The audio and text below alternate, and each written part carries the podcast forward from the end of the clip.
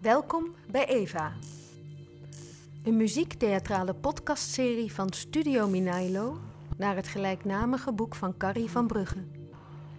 Je luistert nu naar een contextaflevering. Schrijver en librettist Gaia Schoeters gaat in gesprek met schrijver en vertaler Barbara van der Pol. Dit naar aanleiding van haar boek Er is geen ander zijn dan anders zijn. Denken met Carrie van Brugge. In deze eerste aflevering spreken ze vanuit de keuken van Galerie Bart in Amsterdam over Carrie van Brugge als schrijver en haar belang voor de Nederlandse literatuur. Kijk op de podcastwebsite www.carrievanbrugge.nl voor meer informatie en schrijf je in voor de nieuwsbrief.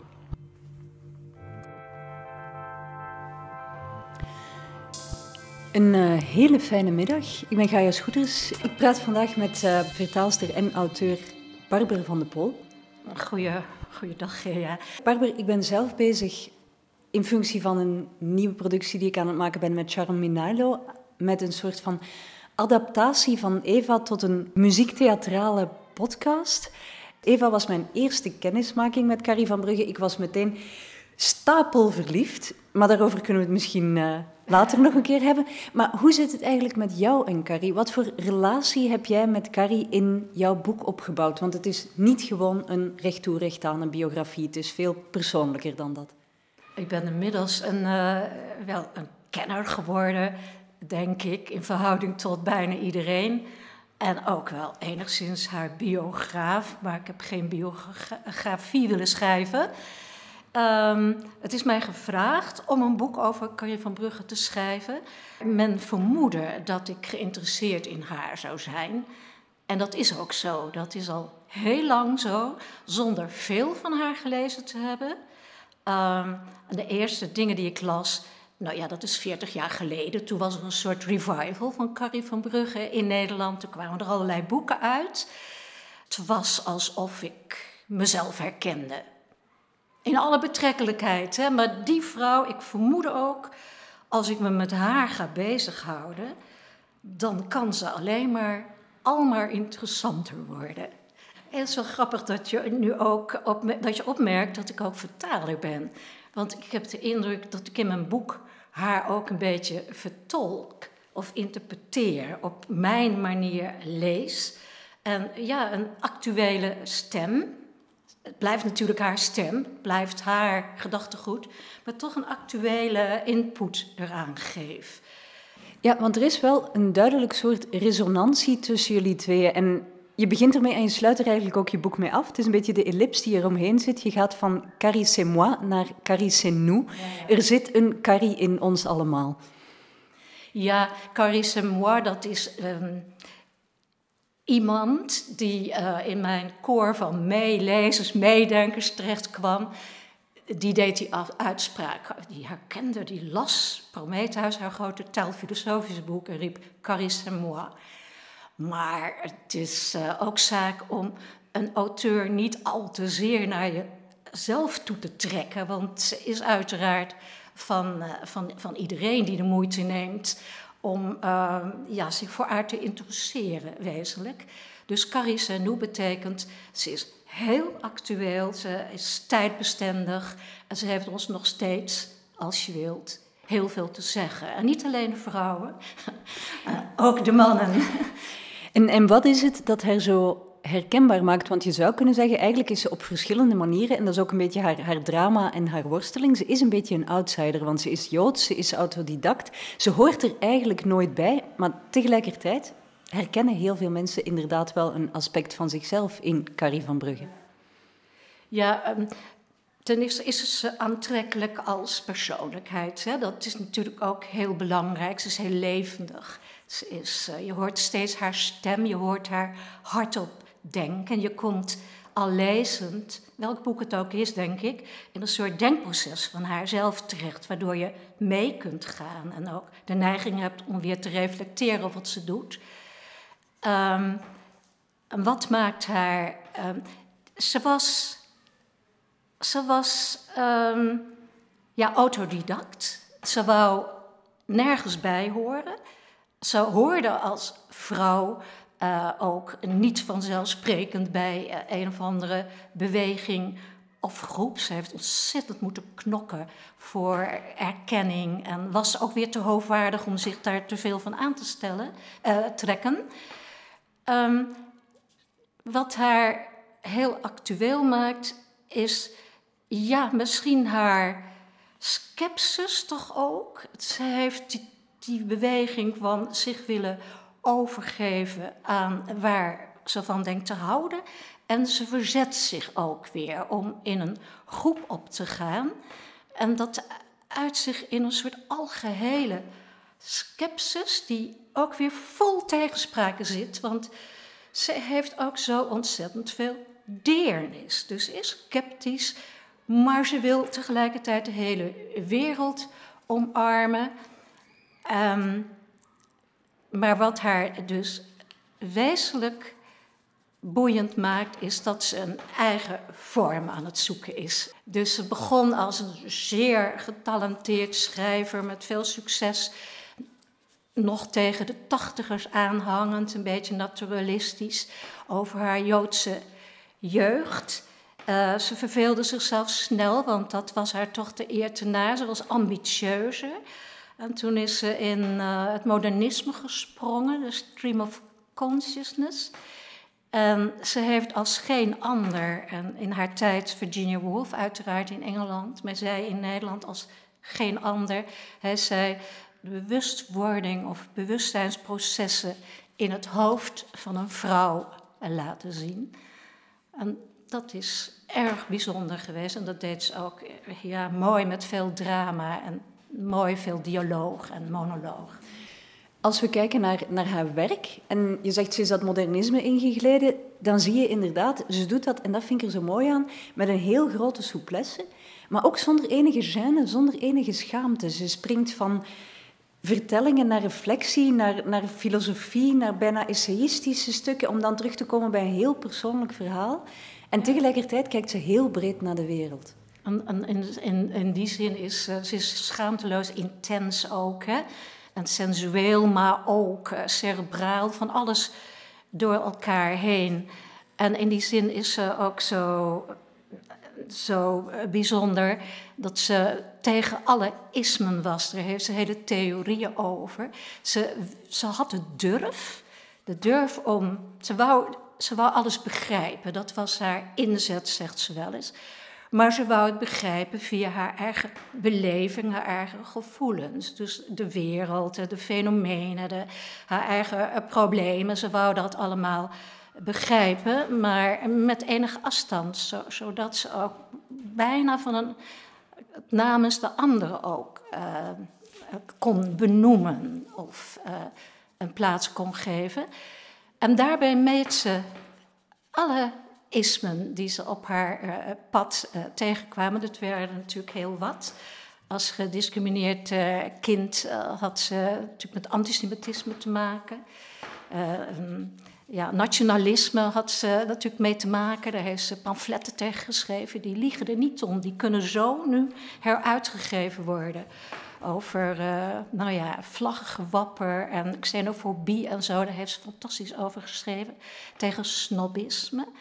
En dat hangt weer samen met het feit dat ze als kind eindeloos van de mevrouwen en de, de meneren heeft moeten horen dat ze de dingen niet deed eh, zoals het moest. Uh, en vooral, en dat is misschien het mooiste, feminisme ook, dat wou ze helemaal niet. Ze wou niet in een hoek, maar ze was heel erg voor de zelfstandigheid van de vrouw. Dat heeft ze op alle manieren ongeveer beleid tot in de slaapkamer toe. Met het, met feminisme heeft ze een, moeilijke verhouding in zekere zin, want ze, of ze heeft in elk geval haar hele leven, vind ik ook zo heel actueel in zekere zin, geworsteld met haar eigen vrouw zijn. Ze wou eigenlijk, ze wou, het is niet dat ze man wou zijn. Ze zegt hier en daar soms wel eens van ik wil een jongen zijn. Het is ook duidelijk dat ze veel meer aansluiting zoekt bij de mannen, de jongens, hun manier van denken, van praten. Ze heeft moeite met die typische vrouwelijkheid en, en waar vrouwen dan mee bezig zijn. Ze wil vooral mens zijn. Ze wil zeg maar serieus genomen worden in haar genderloze misschien mens zijn. Ja, Ja, dat, uh, het woord opheffing valt af en toe ook in haar werk. Ze wil dat bepaalde dingen opgeheven worden. En bijvoorbeeld eh, dat onderscheid man-vrouw. Ja, dat, uh, dat is een, een belangrijk punt voor haar. Ze, ze zag het feminisme zoals dat zich om haar heen afspeelde als een speeltje voor de betere stand. en dat ging dan ook ja, om, om de, uh, recht op verkiezingen, vrouwenkiesrecht. Um, of, of je al dan niet jurken met berlijnen zou uh, dragen. Maar dat kiesrecht dat was echt niet voor alle klassen bedoeld en zo. Dus zij engageerde zich veel meer met praktische zaken als uh, ja, hygiëne rond het kraambed. Ze komt uit een gezin waarin God weet hoeveel kinderen zijn omgekomen doordat het slootwater werd gebruikt om spenen te wassen en, enzovoort. Um, nou ja, maar los daarvan was, was de tijd waarin zij publiceerde, was meer een, een mannenwereld. Het leek vanzelfsprekend dat de mannen de toon aangaven. Ze werd heus gewaardeerd door de nodige mannen, maar ze heeft heel veel tegenwerking gehad. Maar ze achter zichzelf geen snars minder dan welke man ook. Er is een heel mooi verhaal van haar, dat, dat zul je niet makkelijk vinden, maar ik ben dat dan wel tegengekomen. En dan is uh, de hoofdpersoon is 16 of zo, Lau heet ze. En die zit te wachten op een bericht van de kweekschool of ze terug mag komen. Ze is brutaal geweest en die vader zegt: temper je nou, pas je aan en zo. En ze is zo fier, want ze heeft het idee dat het aan haar grote talenten verplicht is om op haar manier fier te zijn en te doen waarvoor ze geboren is. Al heeft ze eigenlijk geen, geen idee waarvoor, maar denken, praten, gehoord worden. Dat was haar grote inzet. Ze was uh, gevierd in haar tijd. Uh, ze werd almaar gevraagd, ook door mannen voor redacteurschappen, voor uh, columns. Um, um, haar boeken waren successen, maar dat was haar dan toch niet genoeg. Dat huidje van haar, soort, ze had gebrek aan opperhuid, zoals iemand heeft gezegd. Alles, alles bespeelde haar. Ze was nooit in het reinen met zichzelf. Ze wou dus nog meer indruk maken, doordat ze dacht dat er nog meer in zich zat. Toen werd ze taalfilosoof. Haar succes was haar te makkelijk. Maar die mannen hebben haar niet zo goed behandeld hoor. Een heleboel wel, maar een heleboel ook niet. Dat is gewoon een feit. Ja. Je, je koppelt het ergens ook aan. Ja, ze komt natuurlijk uit dat Joodse gezin. Haar vader was rabbi. In haar vroege werk voel je dat Joodse heel erg doorklinken, maar eigenlijk zeg je, hangt dat ook vast. Voor haar hangt dat vast aan die hele intellectuele cultuur, aan dat willen begrijpen, aan dat doordenken van de dingen. En dan, dan zitten we bij een andere essentie van Carrie. Dat is die eeuwige worsteling die er is tussen, en je vindt het in bijna alle romans ook terug, ik wil alles begrijpen, ik wil alles weten. En tegelijkertijd, al dat denken blokkeert het feit dat ik iets wil voelen. Um, ja, dat voelen, ja. Denken en voelen, ja.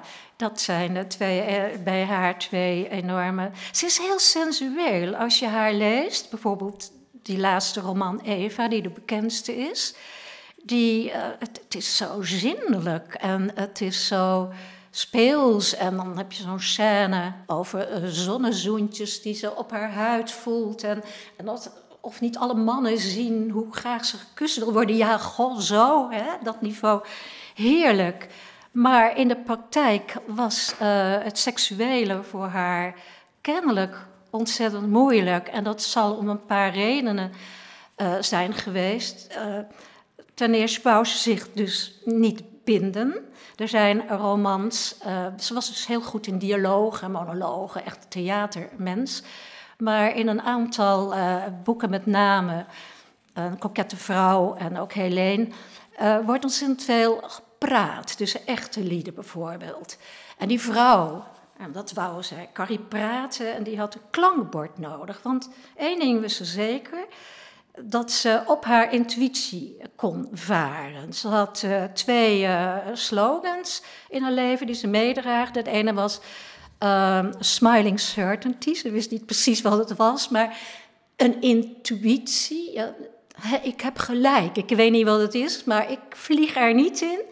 Ik weet zeker dat ik gelijk heb. En de ander was contented pessimism, dus dat ze ze heeft ontkend dat ze conservatief was, want je kan niet conservatief zijn, want de wereld is voortdurend in verandering en je bent erbij en je, je maakt het toch mee. Maar die twee dingen, die levenshoudingen, hebben haar uh, bepaald.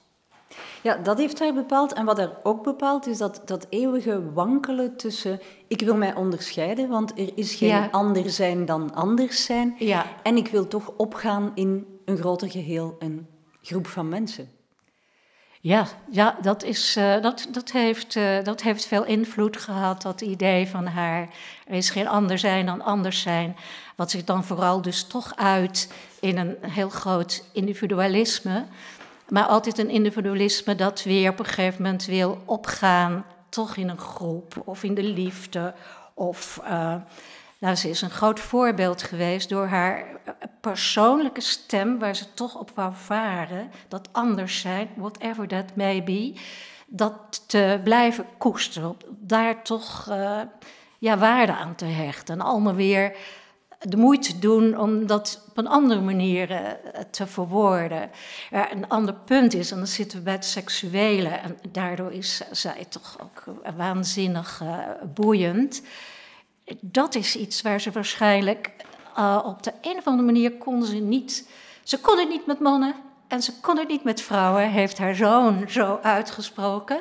Nou, wat er ook gebeurt, het is een drama voortdurend. Ze flirt like a woman. Maar uh, als het dan puntje bij paaltje komt, dan wil ze niet. Is dat omdat ze bang was dat ze haar individualisme, haar, haar weet ik veel, haar mogelijkheden kwijtraakte. Ook, denk ik. Zeker, ze heeft het over de eendenkooi, een huwelijk als eendenkooi, dat is niet gering. Maar uh, ze was ook niet goed in staat. En als je het over Eva hebt, dan zie je dat tot een soort eh, dramatische ontknoping komen. Haar beeld van hoe ze uh, in het leven stond is alsof ze uit een raam hangt, half naar buiten, uh, half binnen. En buiten is die grote wereld en ze heeft met alles wil ze wel naar zich toe trekken. Ze wil ook de dingen begrijpen. Ze heeft ook met een stoel die ergens in het water terechtgekomen is, heeft ze medelijden en ze wil de horizon. Ze is zo sensitief. Alles komt binnen, inderdaad. En dan is er dus die, dat andere mens, dat uh, moet zich verhouden tot uh, medemensen. En ja, hoe doe je dat? Uh, door heel veel te praten en heel veel te denken, tot iedereen tureluurs van je wordt. En ja, ja, goed, sommigen die hebben dat erg in haar geapprecieerd. En anderen zeiden, ik was liever in een boom geklommen dan dat ik ooit nog uh, in het huis van Corrie van Leeuw, ze, van Brugge kwam. Dus heel tegenstrijdig. Ze is één vat en dat is zo modern.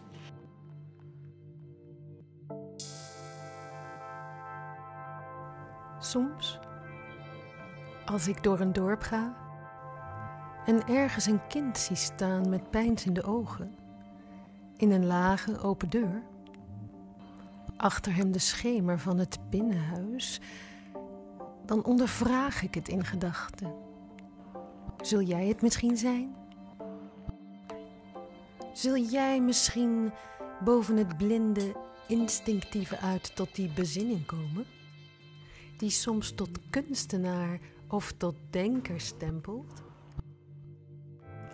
Altijd wanneer ik in de levensgeschiedenissen van kunstenaars en denkers de naam van hun geboortedorpjes lees, dorpjes als Vulpmes en Sistrans, dan stel ik ze mij voor als kleine kinderen, morsend aan de pomp, spelend met de rest. Maar stonden ze soms even alleen in een deur tegen de schemer van het binnenhuis of onder een boom of op een akker waar maanzaadbollen in herfstwind ritselden, dan beving ze een voorgevoel. En ze vroegen het zich af, nog zonder woorden. Wie ben ik?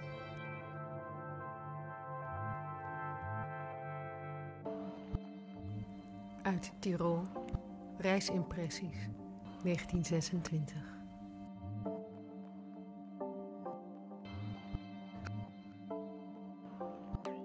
Ja, je, je merkt inderdaad bij alles wat je over haar leest, bij alles wat je van haar leest, je loopt van de ene paradox naar de andere.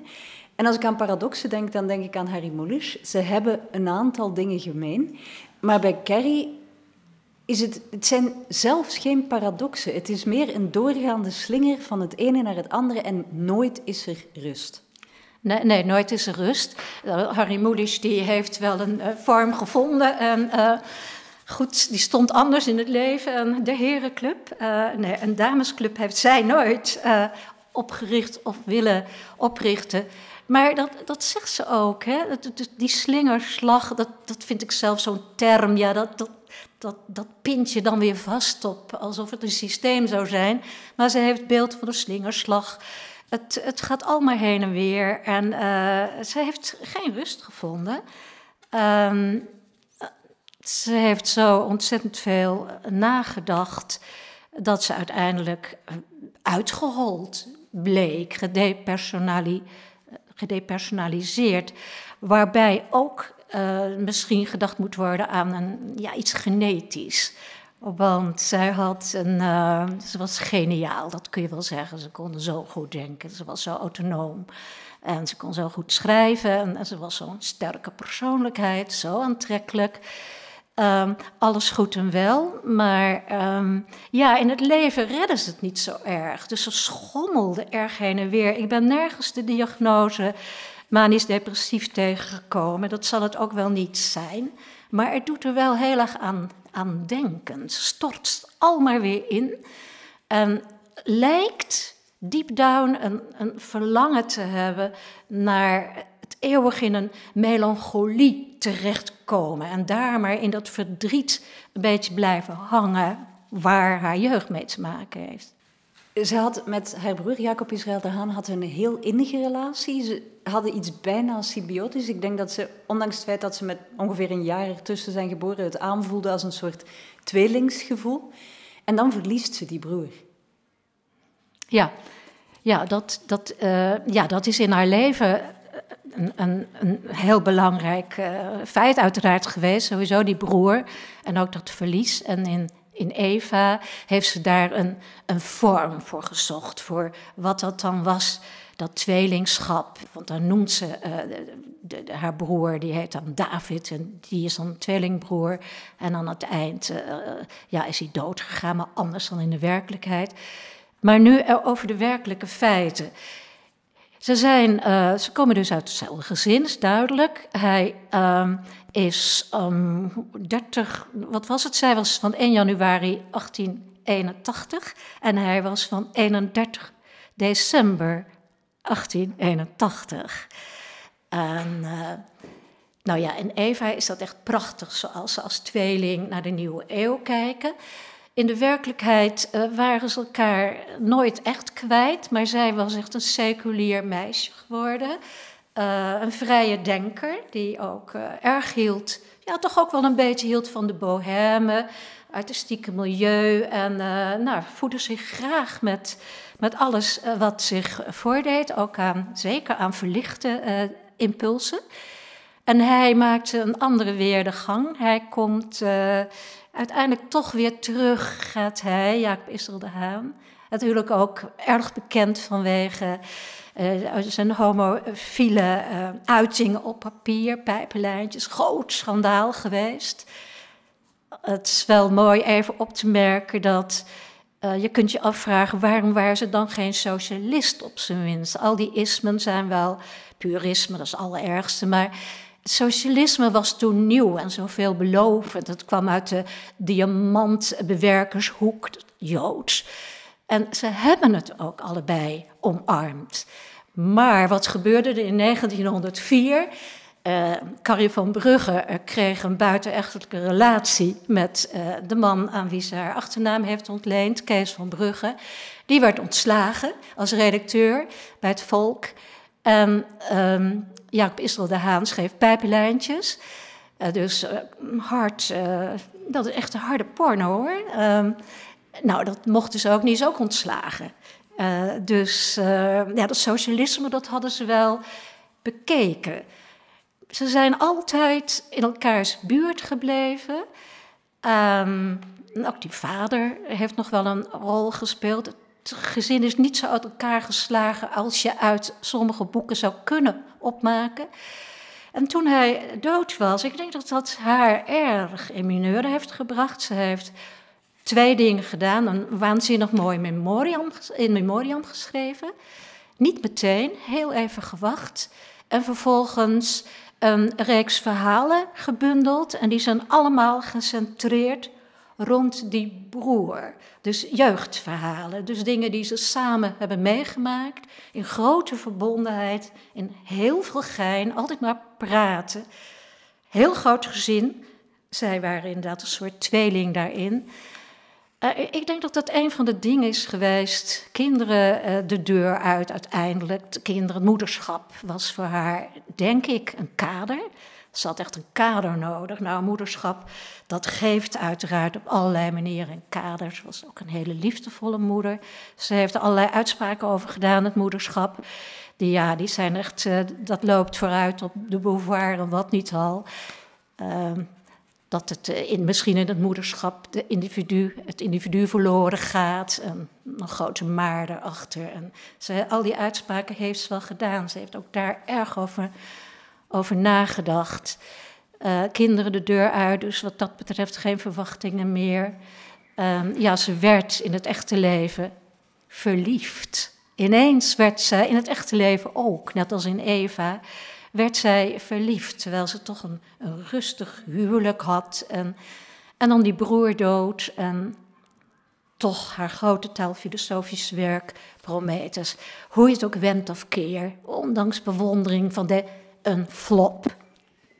Het heeft zo lang geduurd voordat dat herdrukt werd. Eigenlijk na de Tweede Wereldoorlog pas ging het een klein beetje rollen. Het moet opgeweest zijn. Dan zou ze niet meer hebben kunnen bedenken wat ze dan nog kon verwachten. En dan slaat de slinger eigenlijk door en zien we dat ze opgebrand raakt.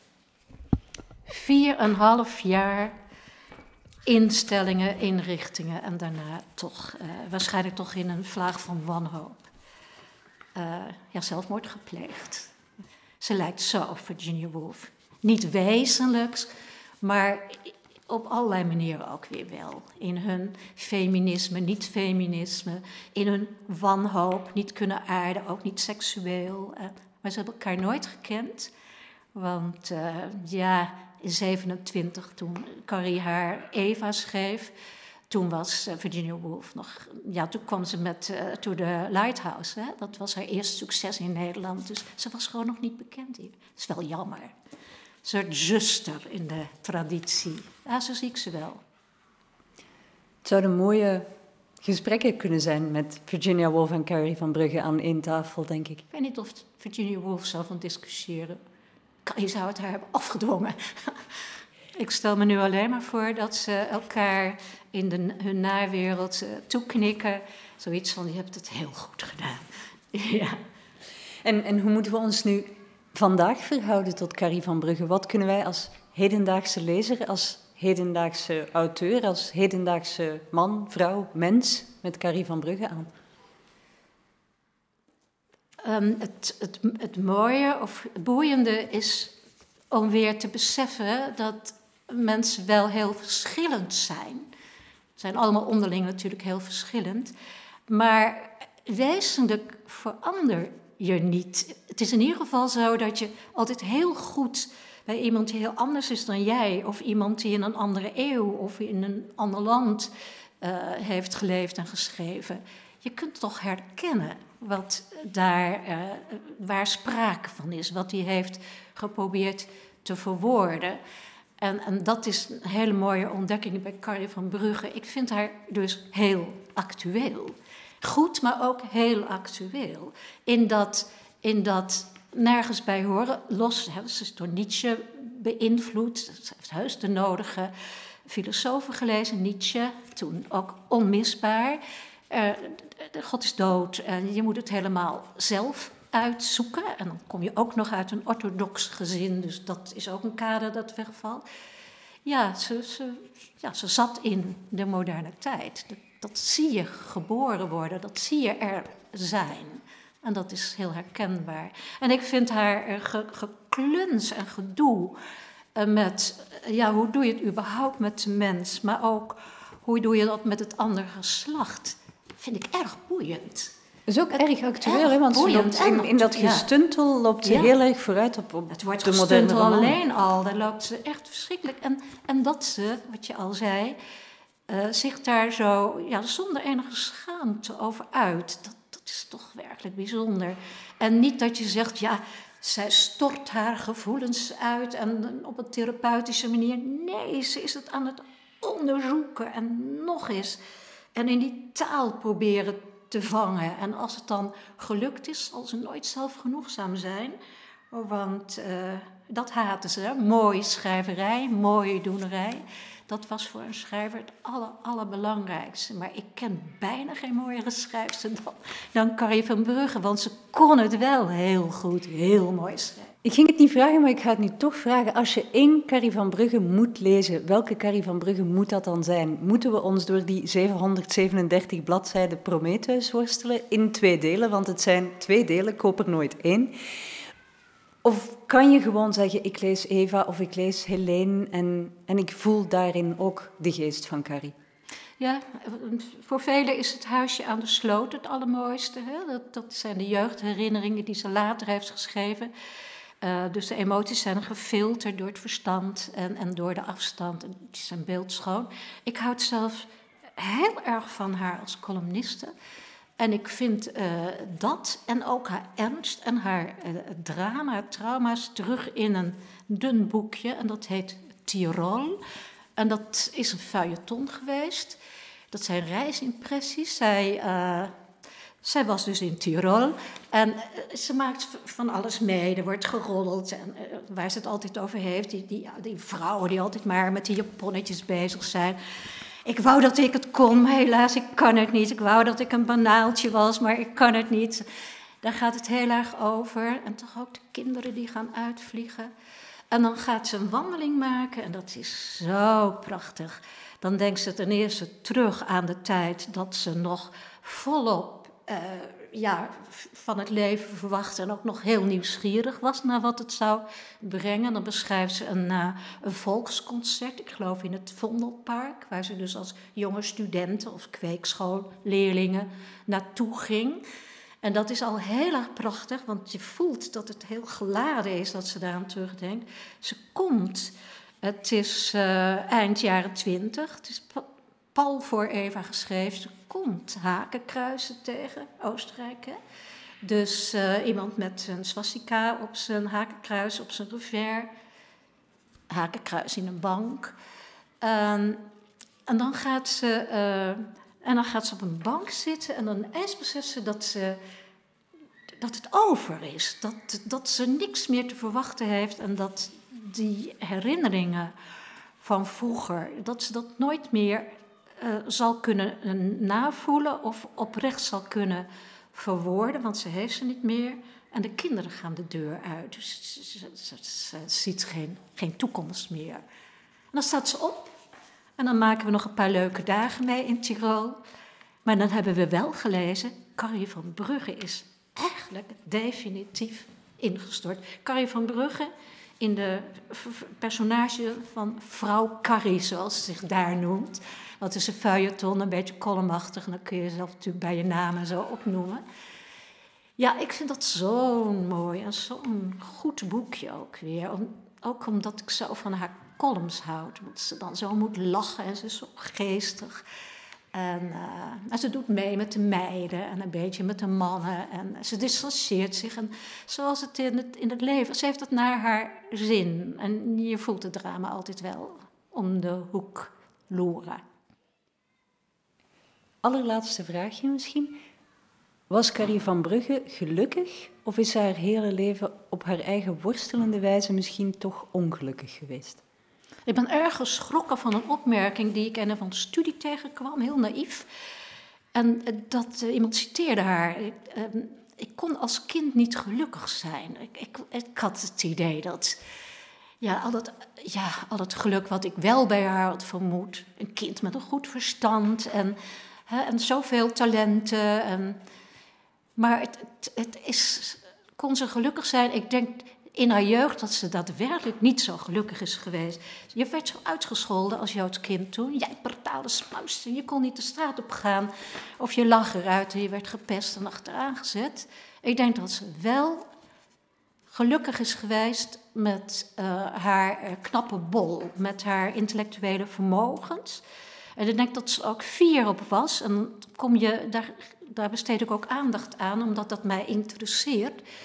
Uh, ze komt dus uit een, ja, uit een, een Joodse cultuur waarin het woord, hè, gewoon het verbale vermogen, het, vermogen om, om dat weer tot, tot, tot, tot denken te maken, interessant denken, dat was natuurlijk belangrijk. En zij kon dat ontzettend goed. Dus ze had allemaal het idee dat ze dingen op het spoor was. En we noemden dat. Ik denk dat ze heel gelukkig was met haar talenten.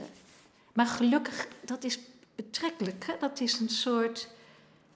Ja, wat is. Uh, ze was blij met haar talenten. Ze was tevreden met wie ze was. Met haar anders zijn. En gelukkig is misschien net niet het woord. Tevreden met haar anders zijn, maar er is geen anders zijn dan anders zijn. En dat is meteen ook de titel van jouw boek, Barbara van de Pol, over Carrie van Brugge. Dankjewel.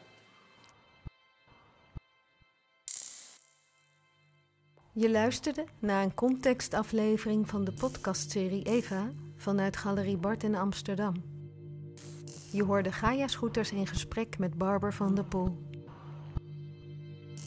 De podcast is geproduceerd door Studio Minailo, opgenomen door Koen Kevel van PME Technica en muziek van Stephanie Jansen. Wil je meer te weten komen over Eva? Volg deze podcast of kijk op www.carrievanbrugge.nl.